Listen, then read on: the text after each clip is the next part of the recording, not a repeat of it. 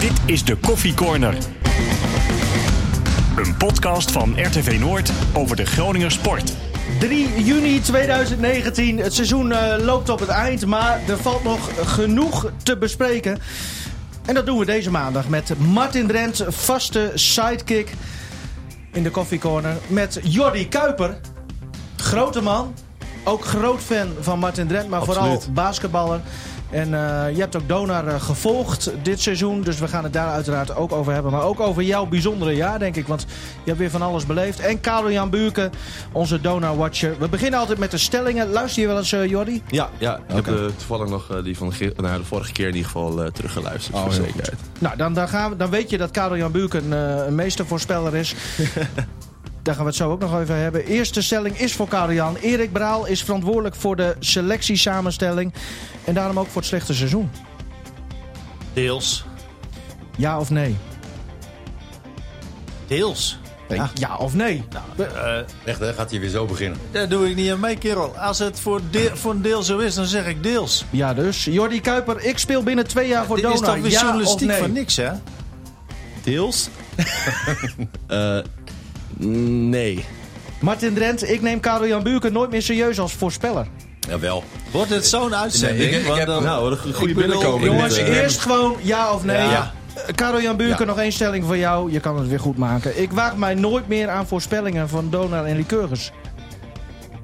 Ja, oneens, eh, kerel. En ja, Nee, de prima. toon is gezet. De toon is gezet. Maar Eh, je krijgt mij niet op de kast. Weet ik. Afgelopen eh, zaterdag in Martini Plaza. Het was feest. Maar niet voor de thuisploeg. Zwolle won en eh, pakte daarmee ook gewoon de beslissende wedstrijd in de serie. En eh, werd dus kampioen, landskampioen in Nederland. Dona werd verslagen. Jordi, maar jij bent een Groninger. Maar jij hebt gewoon feest gevierd, hè? Ehm, nou ja, het- als, ik heb het uitgelegd ook tijdens het commentaar. Als ik in Martini Plaza zit en Donar speelt, maar niet uit tegen wie het is, dan kan ik niet, niet voor Donar juichen. Eh, maar ik had wel een van mijn hele goede, ja, beste vrienden speelde voor Zwolle. Eh, KL Lock heette die, nummer 20 bij Zwolle. En ehm, hij is iemand nu in zijn derde jaar als prof die ja, ontzettend veel eh, dieptepunten ook heeft meegemaakt. Al bij clubs, slecht geregeld. Eh, ja, tegen gelogen, contracten werden niet nagekomen. Hij heeft heel veel meegemaakt. Zelfs op punten gezeten dat hij begon te twijfelen of hij geval deze reis, deze droom achterna wou jagen. Dus voor hem dat hij nu hier in Nederland terecht is gekomen, überhaupt dat ik de wedstrijd mag becommentariëren in de finale, dat hij nu een titel pakt, ja, daar was ik gewoon ontzettend trots op en, en blij voor hem. Eh, maar wat ik zeg, met mijn hart, als je mijn hart, eh, mijn ribbenkast open, openmaakt, er staat nog steeds een donorhart in, daar niet van hoor. Ik zie het ook aan je shirt. Je hebt een Hanzevast Capitals. Ja, oh, enigszins met, met een reden. eh, enigszins met een reden, maar daar kunnen we later nog wel even over hebben. Want eh, nou ja, het gaat vooral over, over de, de reactie die de, de fans misschien op dit seizoen hebben gehad van Donar. Wat, we zijn denk ik een beetje verwend eh, geworden. Dat is Ja, een hè? beetje een Nederlands iets ook. Want Max Verstappen wint één race bij de Formule 1 en iedere keer als hij niet wint is het meteen teleurstelling. Dorna wint titel na titel na titel. En eh, ik heb een handvast capital shirtje aan. Want ik weet nog donders goed dat het überhaupt een prestatie van je was. Was dat we überhaupt ver in de play-offs kwamen. Dus, eh, Symbolisch ook. beetje wel, ja. Nou, mooi. Mooi dat jij je met een gedachte hebt Ik aangekleed. vind dat mooie Ik- woorden trouwens. Ja, ik ook. Ja, eindelijk een keer verstandige woorden ook, eh, Martin. Nee, maar zo heb ik Koude Jan een eh, heel seizoen meegemaakt. Ja, heel positief. Ja. Eh, eh, en, en is ook wat, wat, wat aangegeven worden. Van, op een gegeven moment wordt het gewoon. En Nou, en ik denk in de desalniettemin hoofdzaak, tweede weet is je- natuurlijk ook nog knap. In de hoofdzaak denk ik dat, dat het te ver gaat ook om zo'n team dan gelijk weg te gooien. Dit zijn spelers die gewoon al zoveel hebben laten zien, zo hard hebben gewerkt voor Dona, zoveel gepresteerd hebben. Ja, Maar waar om, gaat om het daar dan mis? gelijk heel negatief over te zijn, dat vind ik, dat vind ik niet passen. Nee, dat, dat is helder. Ja. Want jij hebt een, eh, een tijd lang heb jij gezegd, en daar kan ik heel goed inkomen. Jij zei, deze spelers weten precies wat er nodig is om uiteindelijk, als het seizoen zover is dat de prijzen worden verdeeld, om ook echt voor die prijzen te gaan. Dus je had er altijd wel, wel goed vertrouwen in. Ehm, een gegeven moment kan ik me voorstellen dat dat vertrouwen wat jij had ook een keer Nou, minder kijk, werd? Nou ja, natuurlijk heb ik ook wel eens eh, mijn twijfels gehad. Eh, aan de andere kant eh, heb ik wel altijd ben ik van de stelling uit blijven gaan. Deze, de, de, de kern van deze groep zeg maar, heeft zoveel ervaring, zoveel inzet en weet zo goed hoe het moet. Daar, daar ben ik aan vast blijven houden. Waar ik zag om mij heen dat best wel veel mensen ging het heel slecht. Werd men gemiddeld heel negatief. Opportunisme, En, en, het ging voor de finale. Dacht ineens ook iedereen weer van Donar eh, ga- gaat die finale winnen. Omdat Want ze de halve finale Ja. was zeer overtuigend. De eerste wedstrijd van die finale werd gewonnen ook. En toen dacht ook iedereen van, nou, Dona gaat winnen. En op een gegeven moment ja, kantelt dat weer. Maar kijk, ik probeer ook een beetje vast te houden aan wat ik één keer gezegd heb. Dat is heel goed. Eh, eh, Laten we het eerst even over de wedstrijd zelf hebben. Afgelopen zaterdag. Want daar gebeurde al genoeg om het een lange, een hele podcast lang over, over eh, te hebben. Heb je trouwens gekeken, Martin, of wat je druk gelezen. Oh, je hebt gelezen? Ja. In de krant of op Noord? Of? Volgens mij kwam het voorbij op Facebook. Oké. ja. want, want die wedstrijd zelf, ehm je was co-commentator. Ja. Ja, er gebeurde van alles. Hè? Ah, ah. Kun, jij, hoe zat jij daar? Nou ja, ik zei in het begin van de uitzending dat het wel... Er hing gewoon iets anders sfeertje. Het was voor Donor ook gewoon do or die. Als ze deze wedstrijd niet zouden pakken... Nou, ten eerste zouden voor de eerste keer ooit netjes worden afgeknipt in Plaza. Dat is, vond ik al, zou ik al een eerdingetje vinden als speler en als fan zijnde. Maar je merkte gewoon alles. Het was, iedereen stond iets meer op scherp. Er was iets meer... eh, iets, ja, nou genoeg drama geweest tijdens die hele wedstrijd. Heb je het dan Eh, over spelers of ook supporters? alles, ja, Iedereen. alles. De sfeer. Ik, ik had zelfs in het begin moest ik eh, aan de knoppen draaien om Karian überhaupt te kunnen horen van qua het geluid. En we zaten naast elkaar, dat zegt eigenlijk al genoeg. Dus we wisten gewoon dat er echt veel op het spel stond. En dat merkte je eigenlijk aan alles op het veld, maar ook erbuiten. En, En, je eh, zei ook netjes afgeknipt, hè? Netjes in dit geval, meervoud. Want Ja, wij stonden ja, erbij. Dat was ook een beetje een, een bijzonder moment, hè? Ja, klopt. Ja, nou ja, ik, ik- in basketbal, als jij kampioen wordt en iemand, iemand zal, je, je knipt het netje af. Iedereen krijgt een stukje. Vervolgens neem je het netje mee. Ik ben in Amerika, heb ik de mogelijkheid gehad om twee keer een netje af te knippen. Bij ons in Amerika is het zo, het eerste netje is afgeknipt. Iedereen krijgt een stukje. Vervolgens hangt er nog een netje. In ons geval, ik als aanvoerder van mijn team mocht dat netje ook afknippen. En ik mocht vervolgens het gehele netje meenemen als aandenken, als captain, als leider van het team. En ik zei al tegen een paar spelers van Zwolle, want iedereen ging al bijna richting de bus. En ik zeg, er is nog een ander netje. Eh laten jullie zomaar hangen. En, Dat was eh, ook jouw tip ook. nou ja, dat is nog misschien niet goed om te melden. Maar Oh, nou ja, Nou, ja, ik- nee, in maar mijn als het optiek, mag, kijk, dan mag het toch? Ik eerste, bedoel- eerste titel in clubhistorie. Ja. Eh, Ja. Om zo'n aandenken mee te nemen. Ja, voor, op de, voor op de club. Voor, dat, voor altijd kun je zo'n netje die onaangetast is eh, bewaren. Vervolgens zie ik een paar eh Zwolle spelers eh, op een stoel stappen om een netje af te knippen. Kevin Bleker en Olaf Schaftenaar. Ja. Ja. de naam wordt nog even Ja, genoemd. nee, de maar ja, maar- maar- maar- Nee, maar- Ik vind ik vind het gewoon een goede. Nou ja, als je een netje mee wil nemen, neem een netje mee. Je bent kampioen. Nou, Donor had dan moeten winnen. En maar vervolgens zie ik eh, ten eerste wat fans eh, die dingen beginnen te schreeuwen als je mag me één netje afknippen en et cetera, et cetera. Maar ja, vervolgens, eh, ja, je hebt het Ik, ik stond van- er ook bij. ja. Nou, ja, Braal die reageerde daar dus op. eh, Van, eh, van ja, mag maar één netje of zo, zei hij. En toen zei hij... En toen zei hij nog heel cynisch: Ja, het is jullie eerste titel zeker. Zo van: Je weet niet hoe het werkt of zo, in die geest. Ja, toen dacht ik: Nou, dat vond ik. Slechte vond ik, een, verliezer? vond ik een beetje jammer. Want ik denk, wat, wat, wat Jordi ook zegt. Ja, het is hun eerste titel. Het is zo'n bijzonder moment. Joh, gaat er niet moeilijk doen over zo'n netje nog even. Weet je, dat, dat, dat is toch zoiets moois. Voor, dit moet je die spelers gunnen. Dan moet je ook gewoon een goede verliezer zijn en zeggen: Jullie hebben het verdiend. Hier, netje, wil je er nog een? Dan haal ik er nog een op. Martin, hoe, kijk, hoe luister jij hiernaar? Of vind je dit een beetje kinderachtig? Ja, het is kinderachtig. Alleen als jij verliest, hè, dan, dan komt dat hard aan. En, en vlak na een wedstrijd moet je daar maar eh, mee om leren gaan. Eh, ook al pakken ze vier netjes mee, bij wijze van spreken, dan eh, weet je, boeien. Alleen op dat moment dan, dan kan het heel vervelend zijn. Maar volgens mij eh, is het voor basketbal ook wel, wel heel goed hè, dat Zwolle een keer kampioen is geworden. Ja, nou, dat, dat is iets waar we, waar ja, het zo zeker. ook nog over Ja. kunnen hebben. Nog even over die, voor de, voor de basketbal leek, zeg maar, eh, Jordi. Dat, dat netjes afknippen als je kampioen wordt eh buitenshuis. Is, is dat dan ook een soort vernedering Nou, richting de andere ploeg? Een vernedering wil ik niet zeggen, maar als jij als speler in iemands huis komt, zo moet je het echt zien. Je komt bij iemand thuis. Maar Amerikaanse coach zei altijd, als we uit een hele belangrijke wedstrijd gingen winnen of wouden winnen, zeggen ze: It's like going into your their, their mama's house and eat their cookies. Dus je komt echt in het Ja, binnenste, binnenste van de hol van de leeuw. En het is wel een, een gevoel van als speler van... ja, we hebben het wel even verdomd geflikt om hier het kampioen te worden voor de eerste keer ooit.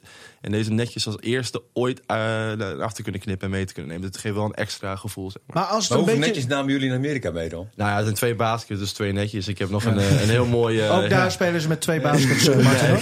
Weer wat Het is... eh, nee, ja, ik heb, eh, ik heb afgelopen kampioenschap... moe eh, jullie.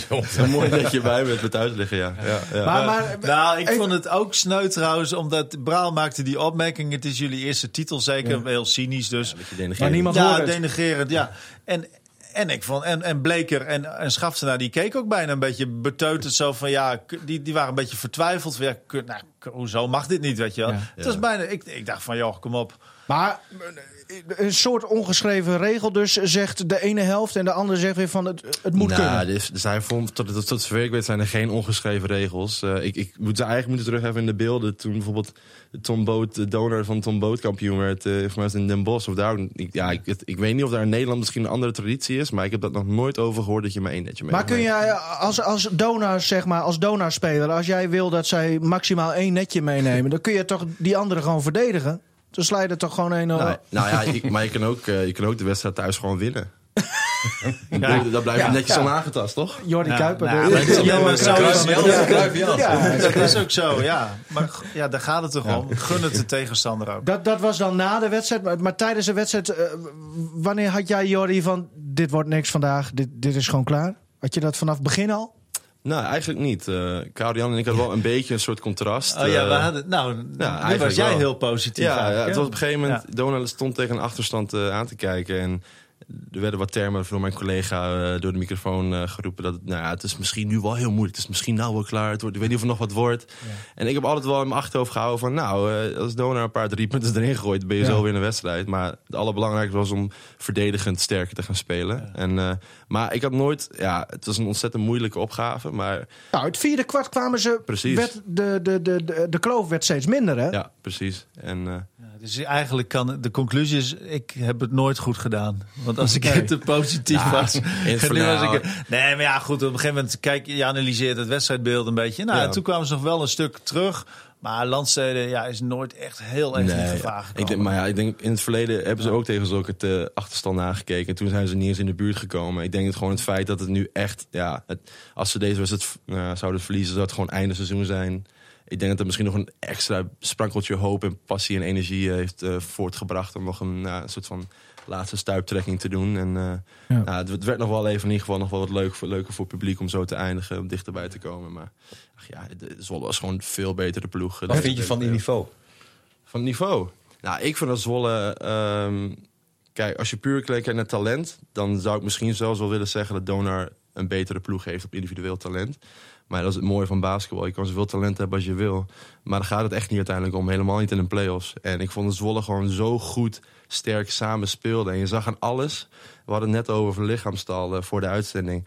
Als ik naar de bank keek bij Zwolle, zag ik jongens bij elkaar communiceren. Hey, volgende keer moeten we dit doen, dit doen, dat doen. En ze waren constant samen bezig om wat, hoe, hoe kunnen wij als team hier het beste staan om kampioen te worden. En dat miste ik soms ja, met vlagen bij Donar, waar je meer zo van individuele spelers op een eilandje zag.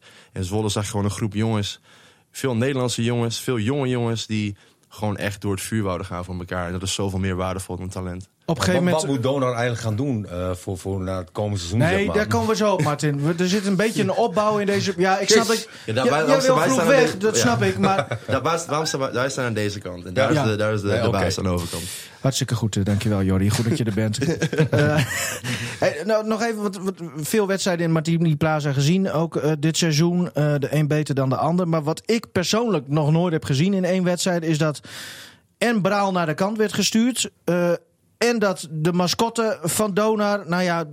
Ik weet niet of hij een klap heeft gekregen. Maar er was gewoon fysieke ruzie. Han Alwin. Tussen, Albon. ja, ik weet niet of, Ja. of het Han was. En dat moet je ook niet verklappen. Want een mascotte is een mascotte. Oké, sorry. Sorry Han. Knip het er maar uit. eh, Nee, maar die, die, die had gewoon fysieke ruzie met, met wat Zwolle fans. Echt? Ja, en, en ja, het zag er heel snel uit, want wie slaat nou een mascotte op zijn bek? Sorry, Jan. Ehm, maar Nee, dat, maar- En, en nou, wacht even. En wat ik zelf, maar ja, misschien moeten jullie daar, eh, daar maar op reageren. Dat er minstens drie bierblekken het veld op werden gegooid tijdens de wedstrijd. Ja, ik vind dat echt niet normaal. Nee, vind ik niet kunnen. Maar wat hij net zegt, hè, dat is het natuurlijk. Kijk, Zwolle heeft natuurlijk nog nooit wat gewonnen. En dan, Nee. dan, dan, dan leef je daar ook anders naartoe. Dan is alles nieuw, dan is alles eh, be- bepaalde gretigheid, iets unieks. Die jongens van Donau hebben misschien te veel gewonnen. Ik denk dat je. Maar dit gaat om het gedrag van het publiek. Je bedoelt, ze Nee, weten nee, niet wat gedrag van de verliezen is. spelers. Nee, want hij Ja, zegt maar- van de spelers zit op de bank. Ja. En, en eh, daar, daar zie je iets gebeuren, weet je wel. Onderling van help elkaar dit Maar en ik dat. heb het over die randzaken. Eh, zeg maar, Nou, dat zijn eigenlijk ook wel eh, belangrijke randzaken, zeg maar. Van waardoor een wedstrijd misschien beslist kan worden. En het, het onzin eh, verhaal wat met blikjes en dergelijke, daar moeten we het wel niet over hebben. Nou, waarom niet? Ja? Dan moet- ja, of moet je dat negeren om de... Nou ja, Eigenlijk ik is snap dat nee, ja. Martin, eh, bepaalt luister, zelf ik snap dat jij bier liever opdrinkt dan weggooit. Ja, dat vind ik zonde. Juist daarom zou je het erover moeten hebben. Ik, ja, in je, Nee, ik kom even terug op hem. ja, ja, ja.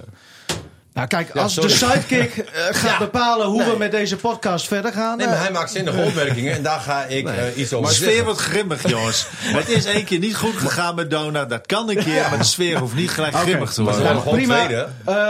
Eh, maar eh, zeg maar, die, die, dat, dat supporters zich zo gedragen, dat zou misschien dan ook, is een vraag richting Jordi. Eh, dat zou misschien ook kunnen komen omdat ze niet weten wat verliezen is, dat ze er niet zo goed mee om kunnen gaan. Nou ja, het is nooit, eh, dat is niet voor mij niet trouwens alleen de donorkant qua fans die daar een beetje voor rumoerige situaties eh, nou ja, zorgden. Maar ja, op zo'n punt, einde van het seizoen, zoveel bloed, zweet en tranen stoppen zij ook in de club. Eh, te veel een slokje op. Ja, het kan gewoon heel eh, bepaalde situaties veroorzaken. Ik vind, eh, ik, je, mag, je mag roepen wat je wil, vind ik. Maar op een gegeven moment, als je het echt dingen op het veld om het spel direct zo te beïnvloeden, vind ik schandalig. Frustratie kwam denk ik vooral vanwege het arbitrale trio. Wat ik merkte, hè, niet dat ik dat zeg vol, maar, maar je merkte dat het publiek daar echt heel giftig om werd. Ook doordat Braal natuurlijk naar de kant werd gestuurd. Wat vond jij van, het, van de arbitrage? Ehm, nou, ten eerste moet ik zeggen, ik, ik kom al vanaf. Nou, voor mij amper dat ik kon lopen al bij Donar, eh, bij, in Plaza, vroeg op de houten tribunes. Dat je ik- klein was. Daarom, ja. Dus ik denk eh, dat ik in al die jaren nog nooit een Donar-wedstrijd heb gezien waar de fans niet eh, helemaal losgingen op hoe slecht de arbitrage is. Dus dat is op zich niet nieuw, niets nieuws. Maar ehm, ja, ik, ik heb het een paar keer aangegeven in de uitzending. Het is finale basketbal. En ik vind dat hoort gewoon een beetje fysiek. Niet, niet op het fietsen toe, maar het hoort gewoon een beetje een extra laag van qua fysicaliteit en gewoon contact te hebben. En ik vond de scheidsrechters daar heel snel eh, al begonnen op af te fluiten. En het verschil eh, qua foutenlast aan de ene kant en de andere kant was ik ontzettend duidelijk.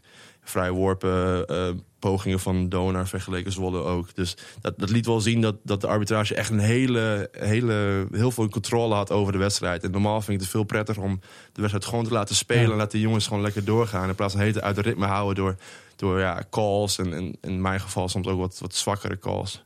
Daar maakte Braal zich ook eh, druk om, denk ik, eh Karel-Jan. Maar wat vind je er dan van dat hij al T krijgt, zoals dat dan heet? Dat is een eerste echte waarschuwing. Maar dat hij gewoon doorgaat eigenlijk met waar hij mee bezig was. Is dat Ja, professioneel? Ik, ik, ik denk niet dat het goed is om je in principe zo druk te maken om de arbitrage. Je hebt daarmee te dealen. Het niveau is ehm, zoals het is. En daar, heeft, daar zijn ook, is ook een oorzaak voor. Dat ja, die, die, die mensen kunnen zich er ook niet fulltime mee bezighouden. Omdat helemaal. Eh, het niveau ligt hier gewoon lager in Nederland. Dat is ook het gevolg van dat het algehele niveau hier lager ligt. Anders was een, eh, een club als Dona wel een keer. eh, hadden ze wel een keer de Euroleague gewonnen. Als het allemaal. Ja, ehm, zeg maar, als wij een hoog niveau hadden in Nederland gemiddeld. Ehm, ik denk wel dat. ehm, ja, ik dacht eerst van misschien is het een soort meesterzet van Braal. Dat hij daarmee de mensen nog als ultieme poging op scherp probeert te zetten. Dat zei hij zelf van niet. En maar verder, ja, dan vind ik het verder niet handig om daar zo. eh, je benadelt je team. Je zag ook dat de Russo daar eh, boos of teleurgesteld over was. Laat ik het zo maar zeggen. Die kwam ook naar Braal toe. Dus dan denk ik dat het niet handig is. Ja, want die, die zei Braal, doe eens rustig aan, zoiets. Ja, nou, zoiets. Ja, ik bedoel, eh, die, die, eh, ja, die vindt het ook niet leuk. Want je benadeelt je team heel direct. Hè, met, je krijgt er straf voor. Dus, Qua, qua- ja, het is natuurlijk moeilijk te zeggen van dat wij zaten bovenin. Maar qua lichaamstaal leek het er bijna op alsof hij die tweede technische soort van wou. Alsof het bijna expres gebeurde. Ja. Hij protesteerde ook helemaal niet. Hij gaf Jason Duur zo'n schouderklopje en liep gewoon weg. Ja, ik, ik, ben daar, ik ben daar persoonlijk gewoon geen fan van. Als jij als. Het is een beetje het principe van de kapitein van de Titanic. Ook al zouden ze met 30, 40, 50 punten verliezen. Ik als coach of als speler blijf voor mijn ploeg staan. En ik ga tot, tot het bittere einde blijf ik mijn team coachen en aanmoedigen. Dus ik was er persoonlijk geen fan van. Maar ja, desalniettemin, het is wel belangrijk om te zeggen... voor scheidsrechters, in mijn optiek... maar ook de optiek van heel veel andere basketballers... het is niet iets voor spelers om zich direct zorgen om te maken... of gaan te uit. Als jij een slechte call krijgt en Martin is scheidsrechter... en ik begin meteen te schelden en te doen... Nou ja, het, laatste wat dat, wat dat echt doet is helpen om de volgende keer wel... dat hij voor jou wel gaat fluiten. Tuurlijk werkt dat niet. En iedere seconde die jij bezig bent met het zeuren en zeiken op scheidsrechters, ben je niet bezig met Ja. mentaal met wat je moet doen om de wedstrijd te winnen. Dat zei Maar als jij je in wedstrijden daar dus mee Ja. bezighoudt, dan is de focus inderdaad Precies. eh, niet bij de Nou, wat, overwinning. wat Braal Nee. nog zei in zijn interview, ja, ik probeerde daarmee invloed uit te oefenen ja, op, op, op de arbitrage. Maar dan denk ik dus ook van ja, dat zal toch eerder averechts werken Ja, lijkt me. nou, voor, ik heb het dan voornamelijk over spelers. Kijk, mijn coach in Amerika zei altijd van... als speler trek je niks aan van de scheidsrechters. Je krijgt een dramatische call of je wordt een fout gemaakt, er wordt niks gecalled. Zeg niks, terugrennen naar de verdediging, doe wat we de volgende keer moeten doen. Hij zei altijd, laat mij maar zorgen maken om de scheidsrechters. Maar dit, bij coach. had je het ook kunnen weten. Want Braal heeft al vaker eh, flinke kritiek gehad op, op, op, eh, op de arbitrage. En, en nou ja, hij merkt dus, het is gewoon niet zo goed, de arbitrage. En, en is vaker in het, eh, in het eh, tegendeel van Donar. Maar, Ja, maar dit is voor, die hem natuurlijk ook nieuw. Ja, nou, Hij, nou ja, alleen, hij heeft alleen maar gewonnen, toch? nou ja, maar, maar ik, ik denk... eh, Jij kunt je spelers daar toch ook op voorbereiden. En zeker jezelf. Je weet toch dat, dat deze wedstrijd opnieuw mogelijk een slechte arbitrage voor, voor Donar zeg maar, kan, kan hebben. Ik, wo- wordt daar vooraf dan niet over gesproken? Ja, wat, Wo- wat, be- bereidt hij zijn ploeg daar dan niet op voor? Want ik zag Nou, ook veel spelers. Niet, niet dat je zo'n ploeg eh, echt voor hoeft te bereiden. Nou ja, wel dus kennelijk. Want je zag heel veel spelers eh, Ik denk ook dat dat lopen gewoon zijn op de scheids. gebeurt. eh. Ja, maar goed, dit zijn wel heel dus ook. ervaren spelers. Ja, hè? en- Ik zei gekscherend, de jongste is 30, waar de oudste 30 is bij Zwolle. Ja. Dat is bijna ook zo. Dat zijn, wel, het zijn allemaal wel heel ervaren spelers. Je, moet niet vergeten, kijk, ik geloof natuurlijk totaal niet dat een, een scheidsrechters eh, trio bewust een wedstrijd de ene kant de andere kant op stuurt. Kijk, basketbal is zo'n snel, zo, zo'n snel spel. Het blijven mensen, tuurlijk gaan ze calls missen. Dat weet je als je een wedstrijd begint. Ehm, ik vind dat coaches op een subtiele manier, door gewoon op een goede manier met een scheids te praten, absoluut een scheidsrechter een beetje ja, kunnen vertellen. Nou, hier heb je misschien net iets gemist, let daar wat meer op. Beetje bewerken. Ja, tuurlijk. Ja. Maar dat, is, dat hoort gewoon bij het vak als coach zijnde.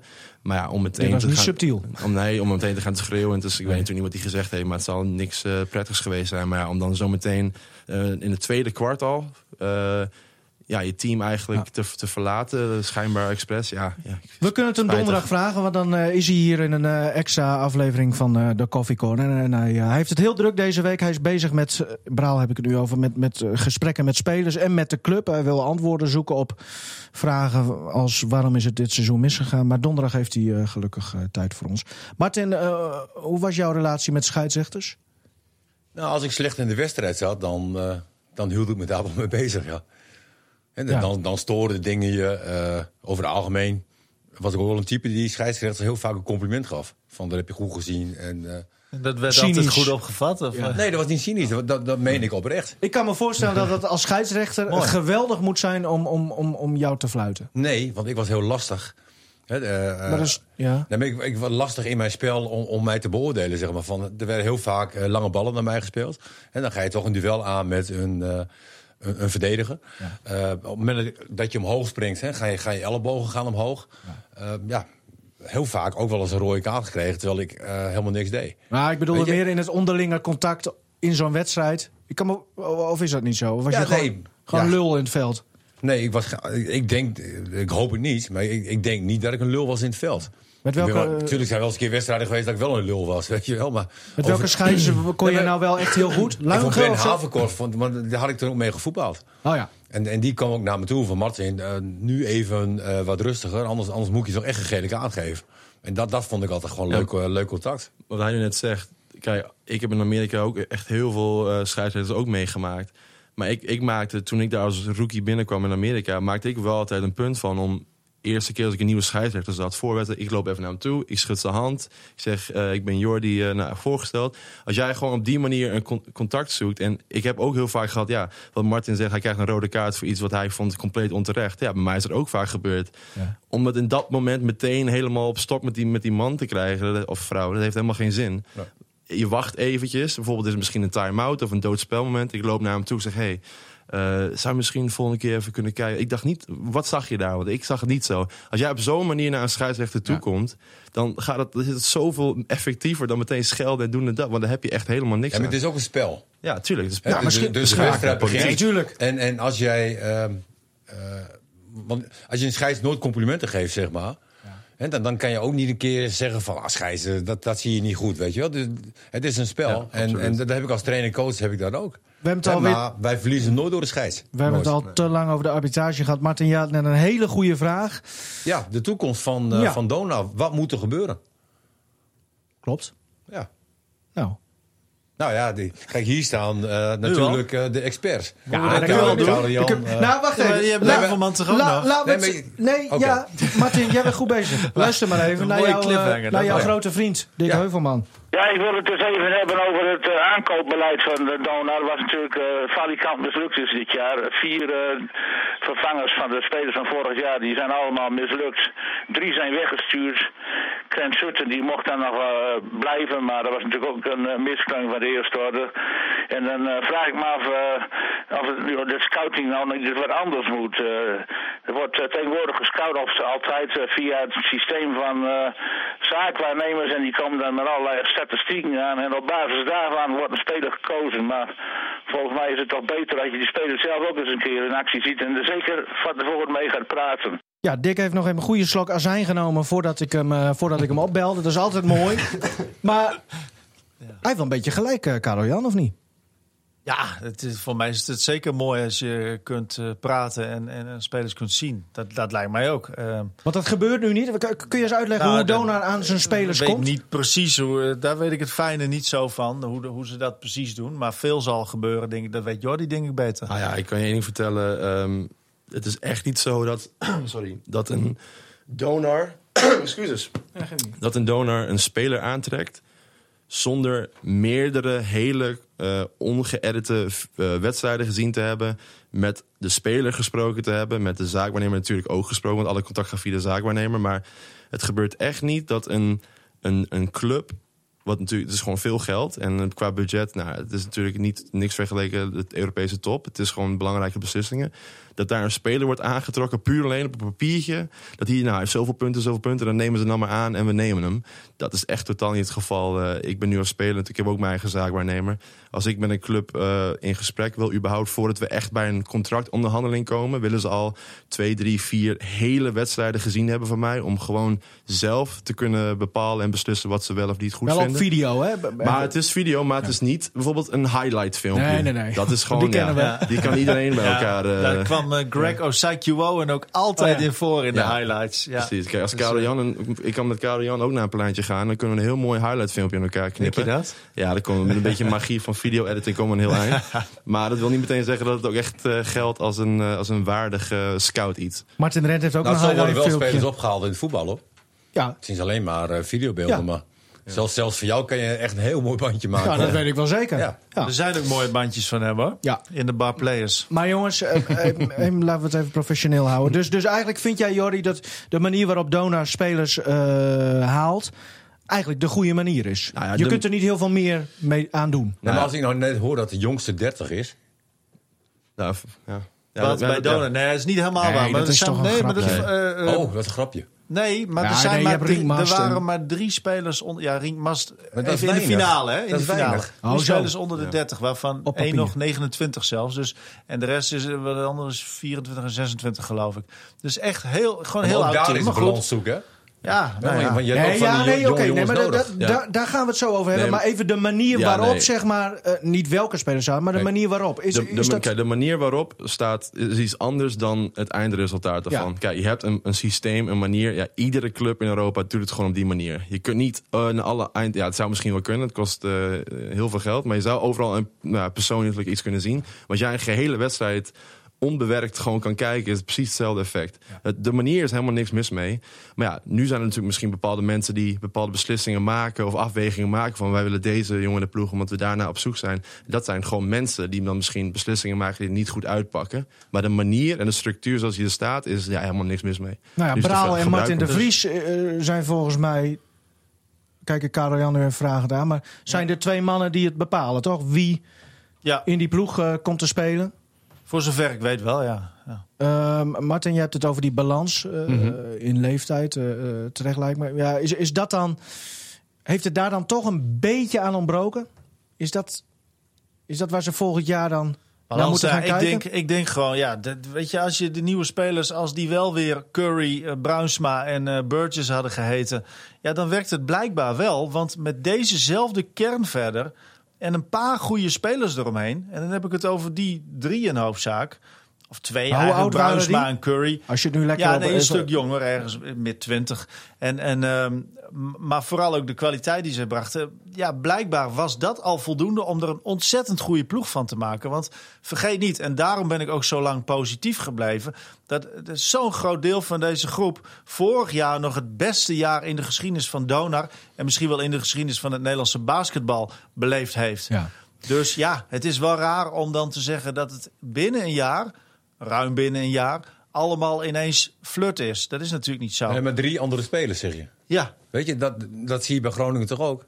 kwam toch ook in de winterstop zes spelers Ja, aan. en in één zes, keer zeven, ja. is er een verandering. Maar van die zes blijft bijna eh, niemand meer. Weet je, ze waren ook weer niet zo goed dat, eh, dat ze nog blijven hangen. Maar is het, eh, het is achteraf dan natuurlijk eh, makkelijk praten.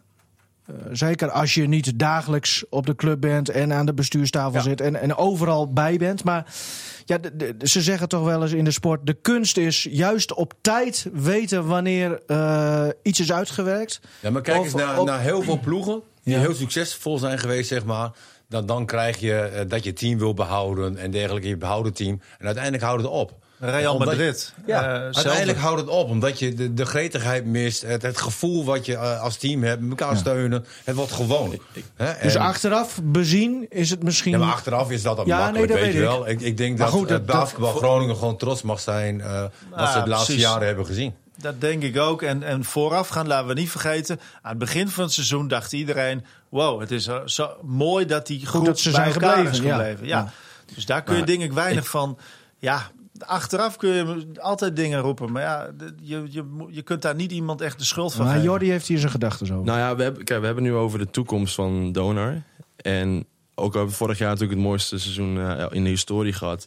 Als je kijkt naar de meest bepalende spelers binnen Donar. Ja, op een gegeven moment, of misschien niet volgend jaar, maar het jaar daarna, moet je wel gaan kijken van hoe ga je die, die, die, die transition, zeg maar, die overgang eh, doen om, om jongere spelers erbij te maar halen. moet dat niet gewoon nu al? Nou ja, dat is dus een ding. Kijk, Martin staat naast mij. Hij is natuurlijk ja, voetbal-expert. En hij, basketbal is misschien niet heel veel... Dat hij, denkt hij misschien dat hij niet heel veel bij kan praten, technische dingen. Maar er zijn zoveel eh, lijnen te trekken met het voetbal. Jij hebt waarschijnlijk... Ik had een vraag voor jou, want jij hebt ook wel meegemaakt bij ploegen... waar je dan bijvoorbeeld eh, spelers hebben gehad die succes hebben gehad. Dus zij denken van, nou ja, wij zijn gewoon een mannetje... want wij hebben het be- be- be- behaald. In hun gedachten denken ze misschien dat wij, dat wij kunnen deze, deze kar nog wel trekken. Maar als je daar van afstandje naar kijkt, eh, denk je misschien dat het eigenlijk wel tijd is voor, nieuw, voor vernieuwing. Maar je kan niet in één keer je rug keren aan spelers die zoveel succes hebben gehad. Precies, dat en dat kunnen ze zelf ook niet. Dus er Ja. gaat een, een periode zijn, een overgangsperiode, waar het gewoon, ja, waar misschien niet de juiste stap is om alles eruit te gooien. Maar dat, dat kan gewoon nog niet. Maar dit je- kan, nee, maar dit ja. kan heel verfrissend werken natuurlijk. Want Donar Ja. heeft dan dit jaar dan, dan niet laten Een zien... tussenjaar. Weet je, een tussenjaar. Achteraf ik- gecommuniceerd, maar- Kijk, nu kan je dus wel de stappen maken. En, en als jij een heel succesvol jaar hebt, zoals afgelopen jaar... dan is het gewoon heel moeilijk om te zeggen van... nou ja, hè, we maken een keuze tussen Ja, eh, eh, jongere je- spelers... kun en, en, de succesvolle speler Je hebt die toch een hiërarchie. Je hebt toch een soort hiërarchie. Maar, maar nu ligt die situatie heel anders. Dus dat zal Ja. nu makkelijker zijn. Dus- ik, ik weet ook niet hoe jouw ja, ideale selectie er bijvoorbeeld uit zou zien. eh. Ja, nou, met Jordi ja. Kuiper, denk ik, hè? Ja, ja ik, ik, ik, ik kan geen uitspraak doen over bepaalde spelers of wie er wel niet bij moeten zijn. Kijk, het belangrijk, ik denk een van de belangrijkste problemen met Donor dit jaar is. Afgelopen jaren had je echte leiders binnen het team. Ze stonden bovenaan het totempaal en er was geen twijfel aan mogelijk. Iedereen wist het, iedereen viel binnen die hiërarchie. En dan werkt zo'n team ook. Als iedereen bereid is om zijn eigen ego aan de kant te zetten en gewoon voor het team te gaan, wat Zwolle dit jaar gedaan heeft, dan is, nou, kun je alles bereiken als ploeg. Maar er was nog een generaal, toch? Die is er nog steeds. Nou, maar dat is dus een ding. Ik, ik kan natuurlijk nooit met de zekerheid dit soort dingen zeggen. Maar eh, de generaal is. Lance toen Jeter was, toen. Lance Jeter, absoluut. Hij was toen eh, wat jonger. Hij, hij, hij kon. ja, fysiek was hij in gewoon een goede shape. Ehm, hij is toen weggegaan. Heel veel gasten die onder hem spelen, spelen nu nog steeds voor het team. Als zo'n, echt zo'n, nou, het is, het is wel een mannetje hoor in de kleedkamer. Hij, hij neemt het wel echt op zich, die rol ook. Als zo'n man wegvalt, dan heb je toch flink verschuivingen binnen zo'n hiërarchie. Van nou, het is misschien nu mijn tijd om, om de kaart te trekken. En het is nu mijn tijd om die leider te zijn. Ehm, dat, dat veroorzaakt al wat, wat, wat ja, aparte situatie misschien binnen zo'n cultuur van zo'n ploeg. Vervolgens, als het eindelijk misschien een beetje geregeld is dit seizoen, ja, een, een Teddy Gibson, een Duriso neemt de leiding over. Komt hij weer terug? Vervolgens halen ze Lens Jeter weer terug. Nou ja, Nou. Lens Jeter is weggegaan bij Donar als kampioen, als held. Als hij weer terug bij zo'n team komt, ja, ik ben een mannetje nog. Misschien Ja. is hij dat fysiek niet meer.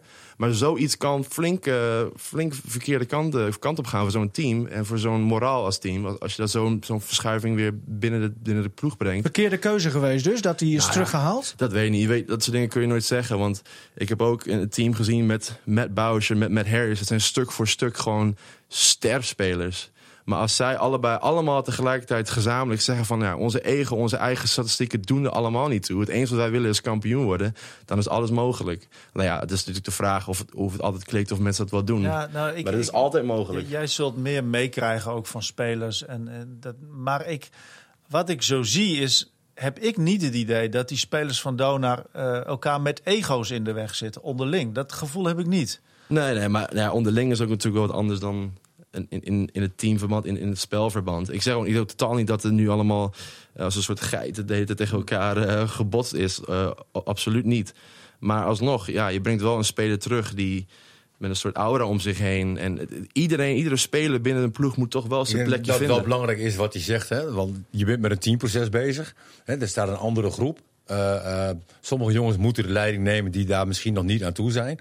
Uiteindelijk pakken sommige jongens het toch op. Ja, en dan komt de held komt terug. En, en dat geeft verschuivingen in je groep. Hè, dan kan je als trainer, coach, kan je er ook niks in doen. Hè? Dat- Dan, dan is het weer opnieuw uitzoeken van... ja, eh, precies. Hoe ligt Ja. Braal eigenlijk in de groep? Nou ja, nou ja, sorry voor die vraag. Ik wil het ook zeggen. Ik, ik zeg niet dat dit de oplossing of dit Nee. de reden is dat iets misgaat. Dit is iets wat ik als buitenstaander, Precies. als fan zijnde Ja. gezien heb. En dat ik misschien zou denken met mijn basketbalervaring dat dat misschien wat voor het eh, verschuiving kan, kan eh, veroorzaakt hebben. Dus wat even dat het duidelijk is. Ja, maar zo, zo is het ook. Tot op zekere hoogte kijk je er ook van buitenaf naar. En Ja. ik denk ook dat ze onderling ook misschien, nou ja, dat hoor je ook heel vaak. En dat wil ik best geloven. Dat ze zelf ook niet precies weten hoe het nou kan dat, dat ja, die gehele chemie, dat algehele plaatje minder is. Het kan ook wel zijn, en dat is denk ik ook zo, dat Landsteden ook echt gewoon een heel goed team heeft dit seizoen. Ja, maar dat is Ja. ja. En, zonder ja, twijfel. en Leiden had dat ook, maar goed, die was wat te smal in de, in de rotatie. En- Dus ja. dat is het ook. Dus, dus wat William Pomp vanochtend eh, op Radio Noord zei, de, de Donau-watcher van het Jij dag. wil heel graag even quoten, hè? Ja, nou, ik vond het wel mooi. Ik, hij had iets, over eh, eh, dekschrobbers en weet ik veel wat. Maar wat hij bedoelde te zeggen... Dat was ook een wel hele een, mooie wel quote. een bezem door de selectie halen, maar niet een te grote bezem. Geen dekschrobben, maar motblik en vegen, vegen Kijk, was genoeg. ja. Zoiets was het. Ja, dat, dat was een prachtige quote. Maar is dat... ik denk inderdaad niet dat je het volledig moet ontmantelen. Dat denk ik niet. Nou ja, we, we- nogmaals, we hebben het er donderdag met, eh, met Braal over. En, eh, Het is ook wel belangrijk om te zeggen, kijk, we, hebben, we praten nu als buitenstaanders vrij makkelijk over. Ja. Alsof, alsof als je gewoon even de knop om kan draaien en je hebt een kampioensteam. Er is een reden dat er maar één kampioen is. Eh, aan het einde van het jaar. Het is een ontzettend moeilijk proces wat al heel vroeg begint in een seizoen. Om echt zo'n ploeg allemaal met de neus dezelfde kant op te krijgen. En gezamenlijk doel, gezamenlijk te maar werken. jij kan het weten, je bent twee keer... eh, Ja, nou ja, ik heb, ik heb er vijf jaar over, moeten de, over gedaan om twee kampioenschappen binnen te halen. En dat is ook van heel ver gekomen. Dus ik weet hoe lang zoiets duurt. En het is echt niet dat iemand zo even een knop om kan draaien en je hebt een kampioenschap binnen. Dus het is ook het is altijd, als een, als een fan over een team praat of over een basketbalproces, een stuk ingewikkelder dan wij het eh, zo makkelijk laten blijken hoor. Dankjewel, eh Jordi. Nogmaals, nog meer verstandige woorden. Eh, goeie, goede nou, Zo gast. is het ook. Wij, doen, Ja. wij zeggen ook maar wat. Hè? Hoe was jouw jaar, Jordi, in IJsland? Koud, Ja? maar heel Is goed. Ja? Ja, fantastisch. Ik heb, eh, ik heb eigenlijk al heel vroeg uitgesproken naar Amerika dat een einddoel voor mij is om in Spanje te spelen in de ACB. Dat is de hoogste competitie eh, in Europa. Je hebt dan Real Madrid basketbalteam, Barcelona basketbalteam, echt, echt topteams. Ehm daar had ik vorig jaar als rookie al wat interesse van. Om eerste jaar, eh, nou ja, om die kant misschien wellicht op te gaan. Ehm, maar als je daar als eerste jaar rookie naartoe gaat, ook heel logisch, eh, zit je op de bank. Je speelt niet. Ehm, en een probleem waar je dan tegenaan loopt, is dat je na één of twee jaar ergens anders naartoe wil. En dan vragen die clubs aan je, nou ja, wat heb je gepresteerd, Jordi? We hebben het net over gehad, stuur ons wat beeldmateriaal. Eh, als je niet gespeeld hebt, heb je dat niet. En dan zit je gewoon vast. Ehm, dus ik heb toen echt heel bewust samen met mijn eh, agent en de mensen om me heen besloten... om naar een, ook een sterke competitie te gaan in IJsland. Waar ik, waar ik wel, allerbelangrijkste is, meteen als rookie ontzettend veel minuten kon maken. En eh, alles in mijn spel, in mijn arsenaal kon laten zien. Dus heb- Grindavik, hè? Is Ja, het? Spreek je het ook zo uit? Ja, Grindavik. Oké. Dus ik heb nu op mijn professionele cv staan... Jordi doet deze, deze dingen gewoon goed. En, het allerbelangrijkste, hij heeft het gewoon al laten zien en bewezen op een professioneel niveau. En die ervaring voor mij om eh, ja, op die manier meteen zoveel minuten te maken in mijn eerste jaar, dat is eh, eigenlijk de beste stap die ik mogelijk ja, heb kunnen maken eigenlijk. Dus ik Jij ben er heel blij mee. Jij vindt jezelf een redelijk allround, heb ik een keer gelezen, toch? Ja, ja, ik kan vooral zo wat, ja. Ben je nu nog allrounder geworden? Of heb je juist bijvoorbeeld je aanvallende deel meer verbeterd? Hoe... Eh, nou ja, verbeteren doe je altijd. Daar hou je nooit mee op eh, als, als topsporter zijnde. Dat is een, een beter worden. Als je doel beter worden is, dan kun je je doel nooit uiteindelijk echt bereiken. Want je, dus constant gaat het door. Eh, maar ik denk dat het belangrijk verschil is tussen... ik weet dat ik een alleskunner ben en alles kan doen op het veld. Maar een goede quote dit trouwens. Hè? Dit wordt de kop. Ik weet dat ik een alles kunnen ben. Anders, Ja, dat maar weer uit. Dat is een snippet. Laat je zeker een verhaal horen, ja, een verhaal horen donderdag. Nee, ehm, nou ja, kijk, het weten dat je iets kan is één ding. Eh, maar ja, als ik aan een coach vertel, ja, ik kan dit alles, ja, daar geloof ik natuurlijk geen reet van. Je moet het ook in de praktijk kunnen hebben, laten zien en bewezen. En die belangrijke stap eh, heb ik afgelopen jaar kunnen nemen. En dat kan niemand me afnemen, want de beelden en de statistieken liegen dan gewoon niet. Zijn die beelden ook online? Eh, Kunnen we via jouw Instagram... Ja, je mag, ja, ze hebben een, een, een, een kortere eh, highlight filmpje Ja. gemaakt voor, de, voor, ja, voor Martin Drent. Die misschien niet heel veel verstand heeft van technische dingen, maar gewoon drie, vier minuten naar mooie acties kan kijken. En een iets langere, ja, dan heb je over 10, 15 minuten. Moet waar- steeds kleiner worden hier. nee, we 10, 15 minuten lang waar dan eh, ja, hoe meer technische dingetjes en categorieën aan, aan sprake komen. Maar ehm nee, wat ik zeg, ik ga nu met die beelden en die ervaring eh, nu de zomer in om te kijken waar de, nou, het volgende hoofdstuk mij naartoe brengt. Maar ik, qua mijn eerste jaar, om terug te komen op je vraag, eh, had eigenlijk niet beter kunnen gaan. Nou is jouw droom dus Spanje. Eh, Zo Nou ja, droom, het is, ja, ja, ja, ik, wil, als, ik zou heel graag in Spanje willen spelen eh, als, als nou ja, eindstation wellicht eh, in, Ja. in de, op de top Maar- van mijn carrière. Jouw andere droom, dat heb jij eh, laatst nog bij ons in de tv-studio Is eh, ook gezegd. commentator. Co-commentator Ja, met nou, die is precies. En Nou, dat- Martin Drent ontmoeten. Dus ik heb nu Ook twee. dat- Ja, niet, want daar gaan we het zo over hebben. Martin is een held van jou, hè? Ja, nou, Ja. stiekem wel. Ik heb verteld, ik vroeger zat ik al bij de F'jes eh, FC Leeuwenborg op het veld wel te schreeuwen dat ik deze corner als Martin Drent in de kruising zou koppen. en dat heb ik eh, meerdere keren niet gelukt dan wel. Maar alsnog, eh, ja, ik, ik zat als klein, als klein jochie al op de Oosterpark op de tribune. En ik woon nu toevallig in de nieuwbouw in Oosterpark, een paar meter van de middenstip. Dus het, dus Hoe heet, rond. hoe, naar welke oud voetballer is die vernoemd? Jan straat? Groningerstraat. Jan ik. Groningen. Oh, Ja, zal wel ja, Groningen wezen. lijkt me, ja, lijkt me- Maar mooi dat jij... Ja, Martin, je hebt dus bewonderaars. Nog steeds ook... Je wordt dus nog herkend ook. Ja, in Groningen meer dan in, eh, in Drenthe. Ja. Maar het is Misschien wel goed ook. Nee, maar het is altijd, altijd leuk en, en positief. Ja. Jordi, nogmaals, want je praat er nu heel makkelijk overheen. Maar jouw droom is ook om bij Donar te spelen. Absoluut. Nou, eh, we hebben het er net over gehad. Balans in de selectie. Hoe oud ben jij? Ik, ben ik was gisteren jarig. Ja. Gisteren jarig, hè? Van harte gefeliciteerd Ja, Ja. eh, Vieren- 24. geworden. Nou, dat is toch een ideale leeftijd om aan de selectie toe te voegen. Ja, nou, ik Maar- was ook wel nee, benieuwd. niet, nee, daar gaan we zo Jouw verjaardag die is ook, Ja. ook leuk gevierd, hè? donor. Jongen, eh, ik probeer de hele tijd die, die uitspraak uit hem te trekken. En dan gaan we allemaal randzaken benoemen. Wat is jouw- Donar, is Martin dat- Den, wat was jouw Ja, mooiste herinnering is- aan FC Groningen? dat, is, nee, dat is leuk nee, bedacht. stel de vraag. Nee, ik, ja, ik, ga, ik, loop niet, ik loop niet vooruit de weg. Eh, stel de vraag. Maar weet je wat ik raar vind? Donar, weet je wat ik raar vind? Is dat ik nu jouw schuif dicht ga doen. Wacht even. Dat is toch niet raar? Ik vind raar dat wij Ja. met, met basketbal niet bij de wereldtop horen. Dat vind ik met het Nederlands team. Ja. De wereldtop ook Ja, de wereldtop. wat is- Nou, Maar Wacht nou heb- dat heb even. ik, dat heb ik met tennis, dat heb ik met basketbal. Ik snap er helemaal niks van. Nee, nee, dat blijkt. Eh, Maar te- terecht eh, De, verandering. lang- de langste We zijn mensen in de groot, we wereld. zijn, eh, Ja. qua, qua motoriek zijn we goed. ja. Ja. Wa- Waarom, waarom bij tennis en Weet basketbal? ik niet, Martin. Nou, Ja, weet ik Denk er eens een keer over na. Is goed, ga ik doen. Jordi, eh, Donar. Ja, mooie club. Ja. Ik denk dat het Is ligt. eh, qua niveau, qua niveau eh, met, met, met jouw club in IJsland, hoe, hoe moeten we dat zien?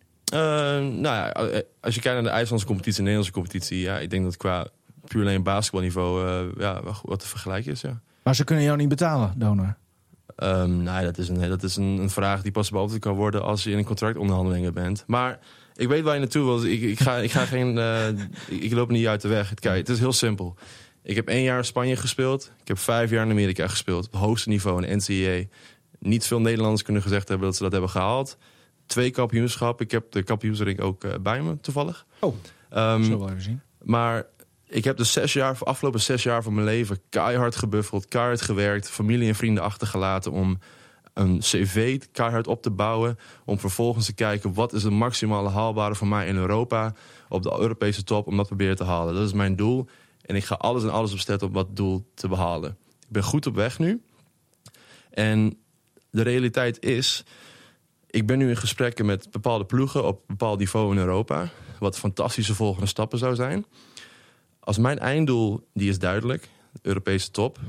En de realiteit is, er is nog nooit een Nederlandse speler geweest in de basketbalgeschiedenis. In die ik heb, ik heb hard lopen zoeken. Die in de eerste, twee, eerste of tweede jaar van zijn of haar carrière in Nederland heeft gespeeld. Ehm, nou ja, ik heb college er natuurlijk wel bij op mijn cv. Maar als dat je eerste, eerste of tweede jaar is om hier te spelen... om dat vervolgens als trampoline te gebruiken... om bij die clubs te komen waar ik heel graag naartoe wil. Dat is, dat is niet iets waar ik zeg van... dat is niet een mening, dat is gewoon iets wat ik probeer op te zoeken om te kijken. Dus voor mij nu, om, om die zes jaar waar ik zo mooi een cv gebouwd te, te hebben... om dat eigenlijk nou, een beetje aan de kant te zetten... en te zeggen van ik wil nu voor donor spelen. Ik zou het, ik zou het nog graag wel willen ook. Het zou fantastisch zijn om, om, om een titel naar Groningen te brengen ooit... om in Groningen te spelen. Maar op dit punt in mijn carrière is het gewoon niet de meest logische stap. Maar ik ben ook iemand die nooit nee zegt. Want ik weet, je weet nooit hoe zo'n zomer gaat. Voor hetzelfde geld heb ik er helemaal verkeerde kijk op. En is dat doel helemaal niet haalbaar voor mij? Dat weet ik niet. Maar ik, ik, ik heb tot nu toe genoeg zelfvertrouwen in mijzelf... en mijn carrière gekregen om er achteraan te gaan. Dit komt echt eh, recht uit je hart, hè, wat je Ja. net zei. Ja, ik heb wel eens een politiek correct praatje gehouden... en eh, een beetje als een politicus om, om een vraag heen gedanst. Maar ik, krijg die, ik, ik heb nu in de zomer zoveel clinics gegeven... training gegeven bij de jeugd... Ehm, in Amerika, vijf jaar in Amerika, was ik drie weken thuis. Dus ik had amper überhaupt tijd om echt leuke dingen hier te doen. Ik kan nu met Karel een commentaar geven. Ik zit hier bij jullie in de studio. Dat zijn dingen die ik zo leuk vind om te doen. Maar overal waar ik ga, krijg ik die vraag. En het is heel moeilijk om die vraag netjes te beantwoorden... zonder meteen arrogant te klinken. Want dat ben ik totaal Nee. niet. Ik voel mezelf niet beter dan donor. Of ik ben niet Ben neerkijkend je, op vind je het irritant, Ik vind het deze een- vraag? Ik vind dat, het een dat je de heel vraag eh, überhaupt mooi, krijgt? helder verhaal. Ja. Ik vind het zeker. heel logisch nagedacht, verstandig. ehm, ja, dat, eh, daar, daar kun je volgens mij niet zo heel veel tegen hebben. En, en wat jij zegt, je hebt genoeg affiniteit met Dona. Daar gaat het helemaal niet om. Nee. Dus volgens mij is het een heel, heel mooi antwoord. En, en oprecht, denk ik. En ik Lijkt vind de vraag totaal niet irritant hoor. Ik heb zoveel fans die me het vragen. En ik vind het alleen maar mooi, want ze hebben een goed hart voor de club en ze willen het best voor de club. En ik als Donar-fan zijn zou ook fantastisch vinden als een Groningse jongen eh, die Ja. mooie dingen heeft bereikt, dat die bij, uiteindelijk bij Donar komt. Dat zou fantastisch zijn. Maar het gaat ook sowieso ooit gebeuren. Dat weet ik zeker. Alleen wanneer of hoe, dat weet ik gewoon nog Heeft het wel eens gespeeld? Is er wel eens, want jij praat met mensen van de club. Je kent iedereen ook goed volgens mij, hè? Maar is er wel eens op die manier met jou gesproken? Eh, nee, nog nooit. Oké. Ehm, ja, nu ga jij dus, dus... Je gaat jezelf verkopen, daar komt het een beetje op neer, hè? Met, met jouw Ja. beelden en jouw verstandige teksten. Wa- wa- Wat denk je van volgend seizoen? Ehm, nou, een ideale scenario is, wil, ik nu nog één goede tussenstap zetten. Ehm, wellicht in een Duitsland, Bundesliga, wellicht een België, heel misschien een Frankrijk. ehm, als de situatie goed is. Maar als je in zo'n competitie, eh, als ik daar volgend jaar weer kan laten zien dat ik gewoon mee kan komen met niveau en kan doen wat ik de afgelopen jaren gedaan heb. Dan is daarna die overstap naar Spanje eh, vrij makkelijk te maken. Maar dan stap je ook meteen in in een andere rol, in een andere positie. En dat is ook belangrijk, want je wil natuurlijk naartoe, dat is één. Maar je wil er ook naartoe en wel iets kunnen bijdragen meteen aan zo'n topclub. En dat is, eh, dat is volgend jaar staat helemaal in het teken van die volgende stap zetten. Om vervolgens hopelijk nou, ja, die laatste stap te maken naar Spanje. En is Oranje geen doel? Absoluut. Ik Daar hoor ik eh, jou helemaal niet over. Maar Nee, maar- het is, absoluut, ja, het is absoluut een doel. Ik heb, ik heb alleen in vijf jaar Amerika, toen ik zo kort thuis was, heb ik, ben ik ook uitgenodigd voor het Nederlands team om hier in de zomer te trainen. Als ik dat, als ik dat zou willen doen toen in Amerika, was het geen enkel probleem. Het Nederlands team gaat voor. Eh, maar ik heb toen heel bewust gekozen om in Amerika te blijven in, in mijn zomers. En de voornaamste reden is omdat qua faciliteiten, qua trainingen, qua alles eromheen, de structuur, is het, ja, er, kan, er komt niks in de buurt qua Amerika. En ik wist dat ik, ik was, kon meekomen op niveau, mijn eerste twee, drie jaar. Maar ik merkte dat ik toch nog moest onderscheiden en een schepje erbovenop moest doen qua werken, hard werken voor mijn, op mijn skills, op mijn, op mijn schot, op bepaalde dingen in mijn spel. En Oranje is fantastisch. Je bent als een team bezig om bepaalde doelen te bereiken. Maar ik, ik vond het toen belangrijk om individueel eh, die stappen te maken. Dat heb ik toen gedaan. Maar nu, in die profseizoenen, die hele, zomer thuis. ehm, ik ga 22 juni naar Amerika om een maandje daar te trainen weer bij mijn oude club. Ik kom 20 juli terug. En 29 juli begin ik met een, eh, met een soort traject met, Nederland, met het Nederlands team weer. We gaan Oh. eerst trainen in Amsterdam. Vervolgens spelen we het oefenwedstrijdjes in, eh, in Europa. Ehm, het is niet het eerste, zeg maar, het officiële Oranje. Het is, ze noemen het Oranje B. ja. Maar het is zeg maar meer, ook heel veel internationals zitten daarbij. Maar je kan je laten zien. Ja, daarom. Op Ja. mooie, op mooie eh, nou ja, platformen of mooie plekken in Europa. En dan gaan we daar even een mooie puntjes op de i zetten qua mijn spel. Denk je dat je Ringmast dan ook alweer bij Oranje ziet? Want hij heeft een blessure. Ja. Hoe erg is het? Weet, weet je dat? Ehm, nou ja, ik, ik, ik ken Rinko heel lang. Eh, ik ben eh, heel close met hem. Ehm, nou ja, ik, ik ga geen uitspraken doen over details over blessure. Nee. Er is een reden dat hij eh, naar buiten heeft gebracht. Hij en zijn familie liever niet met de pers willen praten. Dus ik, respect daar heel erg zijn privacy in. Ik weet desalniettemin dat hij een, nou, een moeilijke periode tegemoet gaat. Een revalidatieproces ingaat. Ehm, nou, ik heb eh, meteen aangegeven wat hij allemaal nodig heeft qua support. Ik ken genoeg mensen die ook zo, nou, der- dergelijke situatie heeft gezeten. Dus ik ben ervoor als hij iets nodig heeft. Maar ik denk, ik, het lijkt me ehm, heel sterk dat hij bij Oranje kan aansluiten binnen nu en een paar maanden. Ehm, Ja. Of een paar, nou ja, een maand is al een paar weken. Maar ik hoop, eh, ja, ik wens hem het allerbeste. Het is eh, in mijn optiek misschien wel het grootste talent. Sowieso het grootste talent qua lange mannen die, die er rondloopt in Nederland, vind ik. Laten we het inderdaad hopen. Eh, Martin, ehm, volgens mij jouw oren staan ook te klapperen als je Jori hoort praten. Hè? Nee, maar hij is zo volwassen. En Ja. daar had ik laatst met, eh, met Reis ook. Weet je, het zijn, het zijn jonge jongens zijn er nog. En, en ze hebben alles gepland. Eh, eh, ze zijn bezig met hun cv. Ze zijn bezig met ontwikkelen. Ze zijn bezig. Zijn met zoveel dingen bezig. En dat is zo knap. Dan En- zet en- jij je ook nog in. Maar eh, ook, ook de tussenstap die hij nu wil maken, zeg maar. Weet zeer je, van- verstandig. Ja, Jordi, dan zet jij je ook nog in voor, ehm, ja, voor of tegen diabetes eigenlijk. Jij, jij hebt zelf, heb je dat, hoe, hoe vaak moet je per dag dan zelf een spuit in je been steken? Of, of, Nou, ik heb een constant eh, insulinepompje in mij. Dus eh, iedere keer als ik iets eet of drink met suiker, dan vul ik in de, de gram koolhydraten. En deze dan, dan kan ik op die manier dus de insuline geven die ik nodig heb. Maar ik moet constant wel prikken, bloed prikken om te kijken hoe hoog ik zit. Maar ja, ik zeg altijd, diabetes is een, fulltime job. Je kan niet een dagje vrij nemen, want dan kan het gewoon einde oefening zijn. Dus je bent er constant mee bezig. en dan eh, neemt Karel-Jan Buurken, jouw collega, neemt dan een blikje gewone Coca-Cola voor jou mee? Als zij, eh, hoe- Nou ja, we hebben nu onder, onder, Nee, ondertussen, we hebben ondertussen zoveel ervaring al als, co- als commentatorteam. We vullen elkaar zo goed Ja. aan dat dat niet, eh, niet, niet meer gebeurt. Maar Oké. nee, ik... eh, je hebt hem gewoon op zijn bek geslagen. Ja, nou ja, off the air. Hè? Off the air. Nee, ik, eh, ik ben, ja, je zei het. Dat overigens nam hij Cola Zero mee, waarvan ik...